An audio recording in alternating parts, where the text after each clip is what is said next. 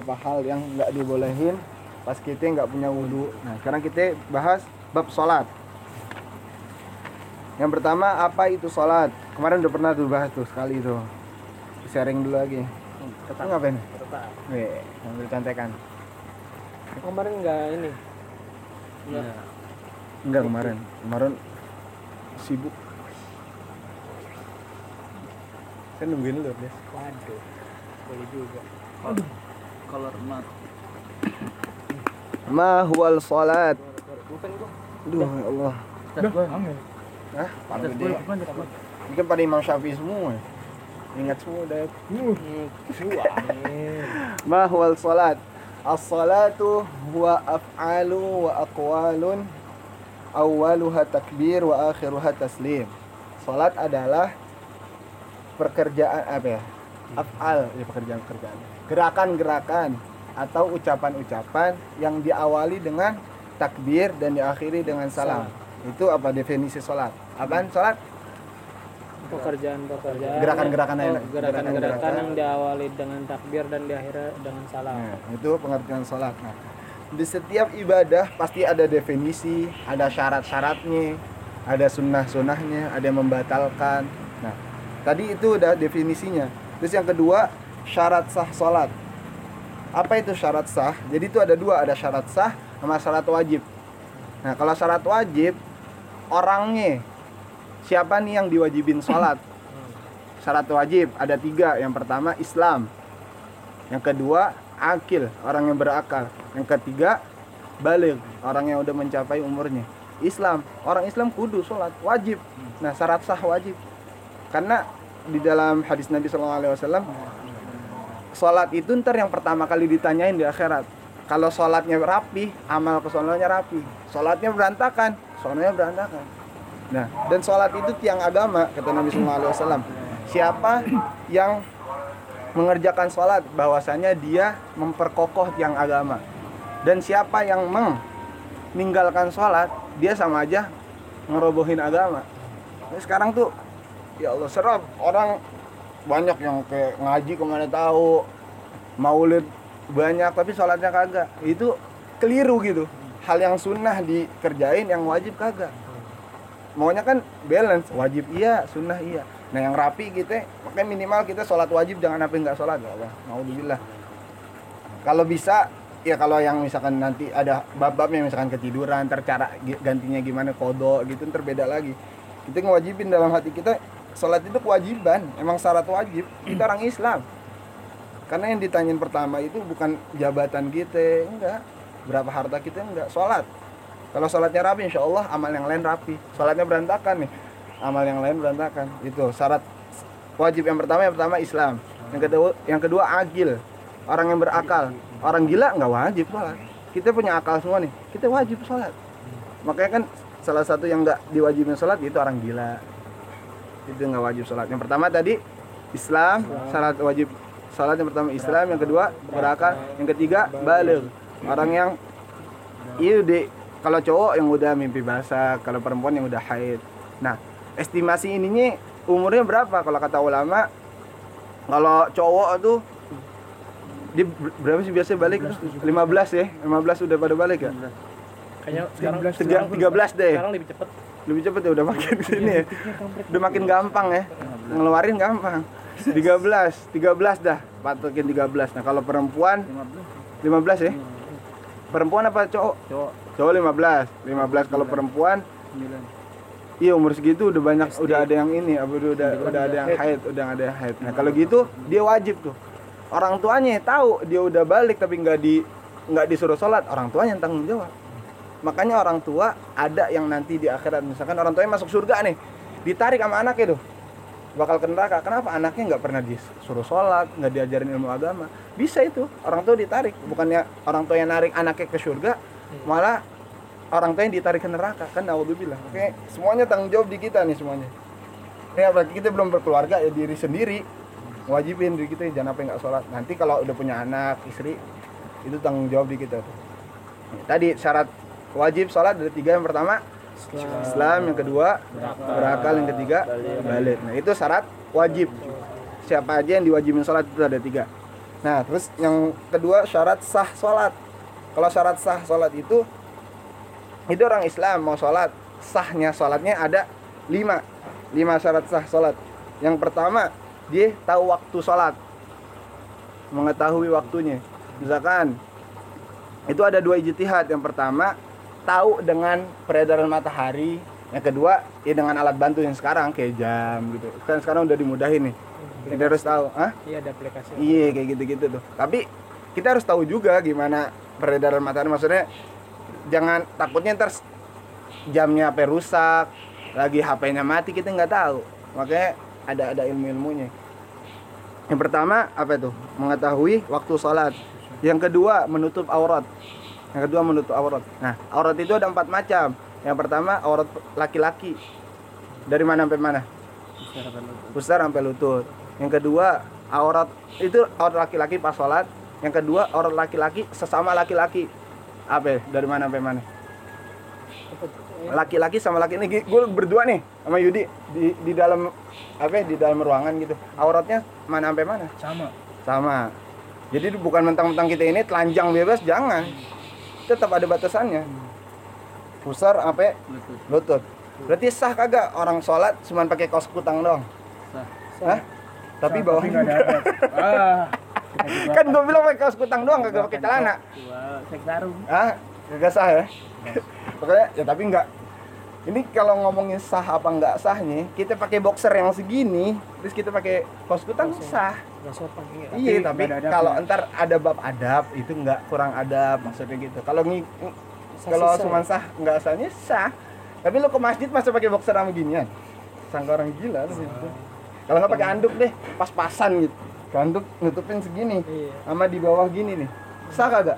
Sah. sah saya kan kagak ada adab nih ya lu datang kondangan masih begini adab Allah. Hmm. gitu itu ini analoginya gitu. Dia bilang lagi nah tadi yang kedua yang per- yang pertama aurat laki-laki dalam sholat dari pusar sampai lutut. Nah aurat laki-laki sama-sama laki-laki segitu juga. Jadi bukan mentang-mentang kita lagi berdua lu mau telanjang apa pakai yang segini itu aurat juga tetap yang ketiga aurat perempuan. Aurat perempuan di luar sholat nih. Di luar sholat mana? Ini berat sih orang-orang sekarang nggak ada yang ngamalin kecuali yang ditarim yang diarak tuh. Full semuanya kata Nabi. Semua mu'tamad empat madhab. Imam Syafi'i, Imam Hambali, Imam Hanafi, Imam Maliki. Sepakat aurat perempuan seluruh badan kecuali mata doang. Makanya pakai nikob tuh. Nah karena di sini ada Imam Syafi'i jadi itu banyak tuh. Yang minimal semuanya kecuali muka sama telapak tangan. Ini alhamdulillahnya masih ada pendapat beliau nih Imam Rafi'i. Kalau diwajibin kayak Imam Syafi'i, Imam Malik, Imam Hambali, Imam apa satu lagi Allah. Imam Hanafi ini bahaya semua orang-orang yang di luar orang tua gitu. Makanya alhamdulillah ada pendapat Imam Tapi Imam Sya- Imam Rafi'i yang bolehin kecuali muka amat telapak tangan. Berarti kaki kaki juga wajib pakai kaos kaki harusnya. Kalau emang pengen sempurna aurat deh nutup sempurna aurat ya begitu kaki semuanya tangan. Terus mau kena nih yang se- yang banyak apa kaum kaum cewek nih yang salah nih. Rambut tuh jangan sampai kelihatan. Kadang tuh ada tuh makai rapi sih sampai sini tapi keluar rambutnya satu aja tuh nggak sah. Aurat rambutnya. Kayak kasih tahu tuh misalkan adek lu Hmm. orang tua nggak apa-apa mak pelan pelan gini. Tutupin ini mak. Makanya tuh ada apa tuh yang perempuan tuh? Ciput deh. Hmm. kayak Iya, ciput iya, tuh iya. yang gitu tuh. Hmm. yang sering itu lebih baiknya kalau dengan kehati-hatian pakai gituan Iya. ngerapi tuh nggak kena tuh. Gila kok. Nggak kelewar-kelewar. terus banyak yang apa pakai mau kena jenggot ininya kelihatan ini dagu aurat loh segini nih maksimal nih ditutupin nih set gitu rambut jangan sampai kelihatan nggak ada tangan juga bahaya tuh kadang, kadang kita ruku tuh Tarik. ketarik apa perempuan gitu itu makanya mau kena itu kan gombrong tuh kagak ketat ya kalau ketat ini Jujur Nah, renang. terus yang diwajibin yang ditutup itu kelihatan dari orang mata ini dari atas sama dari samping doang. Kalau dari bawah kita pakai sarung itu kok kelihatan dong. Nggak sah. Kalau kalau di kalau aurat dilihat dari orang yang lihat itu dari bawah juga itu aurat kita kena lah dari bawah orang sarung bolong. Kalau dari kanan kan nggak dari atas enggak gitu. Jadi yang pertama tadi aurat laki-laki di sholat antara pusar sampai lutut. Sesama laki-laki antara pusar sampai sampai lutut. Wanita seluruhnya Kecuali. semuanya kecuali muka sama telapak tangan. Nah yang keempat aurat sama perempuan nih perempuan sama perempuan. Dari mana sampai mana? Perempuan berdua nih. Emak lo sama adek lo di kamar berdua auratnya semana Yang itu pendapat imam itu tuh yang beda tadi. Seluruhnya kecuali muka sama itu kalau itu di di sholat sama di hari-harian gitu. Kalau kalau kalau yang ya? keempat kalau berduaan dong nih sesama perempuan itu sama kayak laki. Dari pusar sampai lutut. Dia atas ngablak nggak apa-apa. kalau sama berdua kalau kalau kalau mahramnya kalau cewek sama cewek itu jadi bukan bukan semena-mena lu berdua sama cewek telanjang bulat kagak boleh pakai kolor pakai sempak sama dong kagak boleh. Atas nggak apa-apa ngablak. Lah kan tadi dibilang dari pusar sampai lutut. Sama di dihukumin kayak laki-laki. Karena utama bukan utama sih. Ini aurat. Tapi yang lebih aurat itu kalau perempuan tuh babanya bawahnya. Bawahnya tuh. Jadi ada empat. Yang pertama laki-laki di dalam sholat apa? Auratnya pusar sampai lutut sesama laki-laki sama pusar sampai lutut terus perempuan sehari-hari nih Tangan, seluruhnya kecuali muka sama muka sama telapak tangan. Tangan. sama tangan terus cewek sama cewek Besar. sampai lutut nah Kalau itu. rumah. iya duluan nggak kan terus. Mana tadi? Hmm pertama syarat ya Allah syarat sah sholat mengetahui waktu sholat yang kedua menutup aurat. Yang ketiga menghadap kiblat. Nah ini menghadap kiblat nih. Kiblat utama kita Ka'bah. Jadi syarat ngelihat kalau di zaman Nabi itu ngelihat sama megang. Kalau sekarang kita karena jauh kita ngikutin peredaran Indian aja arah kiblat yang ada gitu. Gimana ngeng? Kalau sekarang masjid-masjid kan ada yang miring kanan miring kiri. Nah kita patokannya itu masjid-masjid tua kenapa ya masjid-masjid tua dulu tuh lama-lama dulu tuh dia ijtihadnya masya Allah makanya sekarang tuh Habib Abdurrahman pernah umroh pakai aplikasi kompak aplikasi kiblat. Padahal ini Ka'bah nih, di depan Ka'bah. Habib buka ini kan mencong masa? Ya berarti kan banyak errornya gitu kalau ini. Nah, makanya kita ngikutin orang- orang-orang dulu aja. Kalau ada yang sini sini. Karena ya lebih yakin gitu orang-orang dulu tuh ya ilmunya lebih mumpuni, lebih yakin. Takwanya lebih tinggi daripada yang sekarang. Kalau ngikutin al- alat-alat gini ngeri. Kalau mau pakai alat-alat gini jangan satu HP misalkan ini berlima nih lima HP terus aplikasinya jangan satu. Cari di cari di Play Store macam-macam aplikasi kiblat. Nah, buka ada tuh satu-satu. Kalau emang bener misalkan arah kita ke sono nih. Kita arahinnya ke sini. Kalau bener-bener yakin baru oh bener nih kalau satu kan banyak ada, ada yang errornya gitu kalau lima insya Allah yakin nah syarat sah sholat yang pertama tadi mengetahui waktu sholat yang kedua menutup aurat yang ketiga menghadap kiblat. La ilaha illallah. Nah, yang keempat bersih daripada najis. Apanya aja tuh? Ada tiga. Yang pertama badannya. Yang kedua pakaiannya. Yang keempat makannya. Maksudnya tempat dia sholat. Itu harus suci dari najis semuanya tuh. Badan kita suci, pakaian kita suci. Di sejadah kita ada tai kucing, kagak sah sholatnya. Tai cicak. Hah? Ya sama najis tahi. Tapi udah kering gimana kalau Hah? kering? Dihukumin tahi. Tapi dia hukumnya kalau kalau udah kering kita iniin, jauhin, terus usap dikit itu udah udah sah lagi. Nggak harus pakai air. Nah, terus gimana? Kan tadi harus makannya, harus tempatnya, harus badannya, harus pakaiannya. Itu tiga-tiganya harus sah, harus apa? Harus suci dari najis sama kayak tadi. Badan kita suci, bajunya ada ada tainya. Sejad, sejadahnya suci, sah gak kalau? Bajunya, bajunya ada ada najisnya. Oh, enggak. Badannya suci, tapi ininya suci. Enggak. Harus tiga-tiganya ya. Salatnya. Harus tiga-tiganya. Kalau udah keringetan gimana? Keringetan enggak ada lah, keringetan gak najis. Keringetan gak najis. kurang adab aja berarti ya. Baik. Iya, keringetan gak najis. Udah tuh berarti ada lima tuh. Udah lima ya? Iya, yang pertama Empat. Ya? Empat. Oh, satu lagi wudhu. Ya Allah. Ini lupa. Yang pertama menghadap eh mengetahui waktu salat, udah masuk waktu salat. Yang kedua menutup aurat, yang ketiga menghadap kiblat, yang keempat Suci. suci. Suci dari najis badannya, bajunya, sama tempatnya, sejadahnya gitu nah. Yang, ke- yang kelima wudhu. Nah, itu syaratnya gitu. Jadi orang udah semuanya nih, udah masuk waktu. Dia tahu arah kiblat ke sini. Badannya semuanya suci, pakaiannya ininya suci. Terus dia menghadap kiblat. Tapi dia kagak wudhu. Kagak sah salat. Enggak sah salatnya. Semua ibadah harus pakai wudhu kecuali salawat kepada Nabi. Salawat kepada Nabi kagak pakai wudhu. Mau lu ini tapi kurang adab sih kalau ada nih ya Allah. Kita pada dengar ceramah. Ustad bukan Habib nih Ustad. Apa? Kita harus ngelazimin salawat di mana pun, kapan pun, lagi ngapain pun, lagi begitu juga, lagi begitu maksudnya.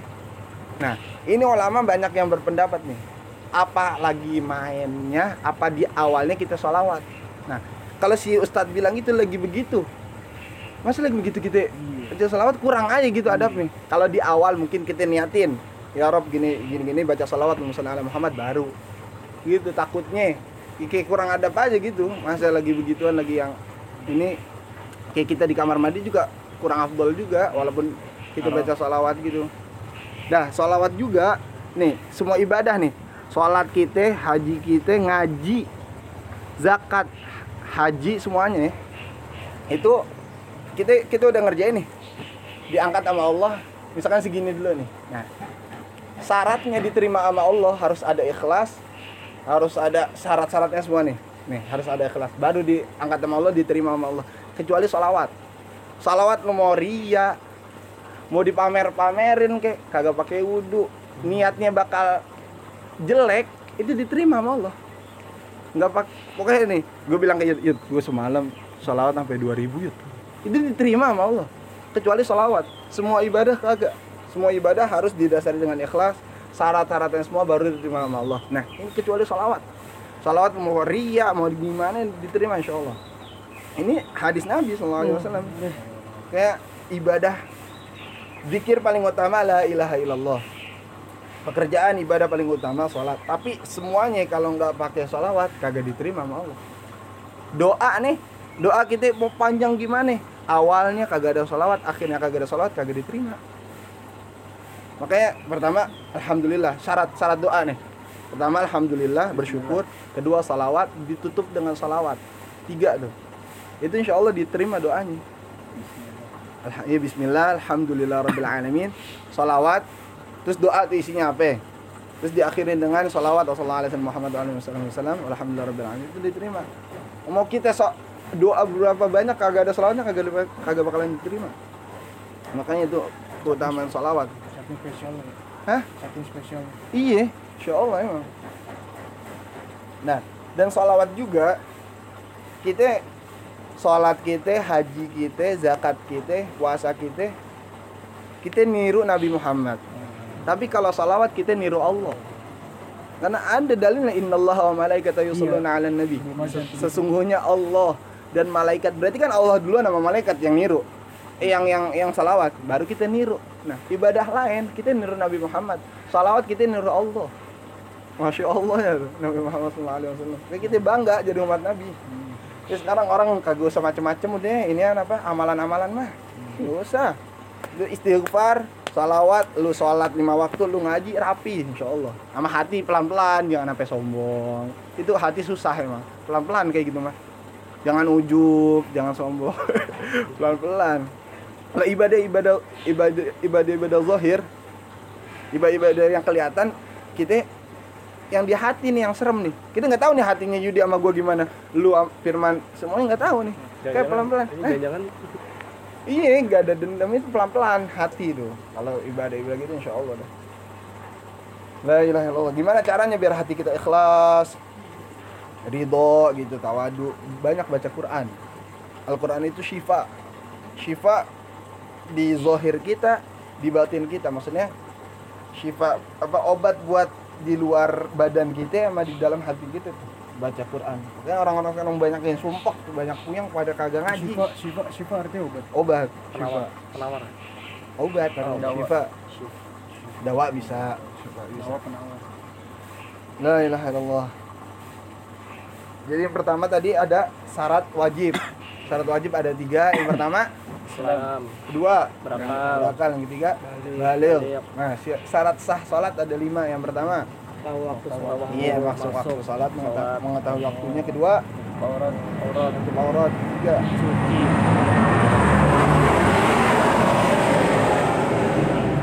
yang ketiga, Bersih. Kiblat. menghadap kiblat. Keempat, Suci. suci. Apanya aja sucinya? Tempat pakaian. Badan. Badan. Kelima, Wudhu. wudhu. Insya Allah cukup ya. Alhamdulillah. itu kita amalin insya Penting kita tahu dulu ntar pengamalannya kita belajar sunnah yang membatalkan baru kita praktek salat Nah, gitu. itu. kayak kemarin wudhu gitu Allah. ada yang tanyain nggak nih Nih dia yang kata misalkan misalkan ya misalkan kita udah berkeluarga ya La ilaha namanya illallah. kita punya anak nih masih masih balita masih kecil nih masih baru bisa jalan dah suka ngompol dong nah, misalkan dia mencingin tempat sejadah kita itu bakal suci. Najis apa enggak? Ah itu itu masuknya najisnya najis najis berat atau gimana nih? Itu kita tanya dulu balitanya itu masih maaf makanannya cuman asi apa udah di luar asi?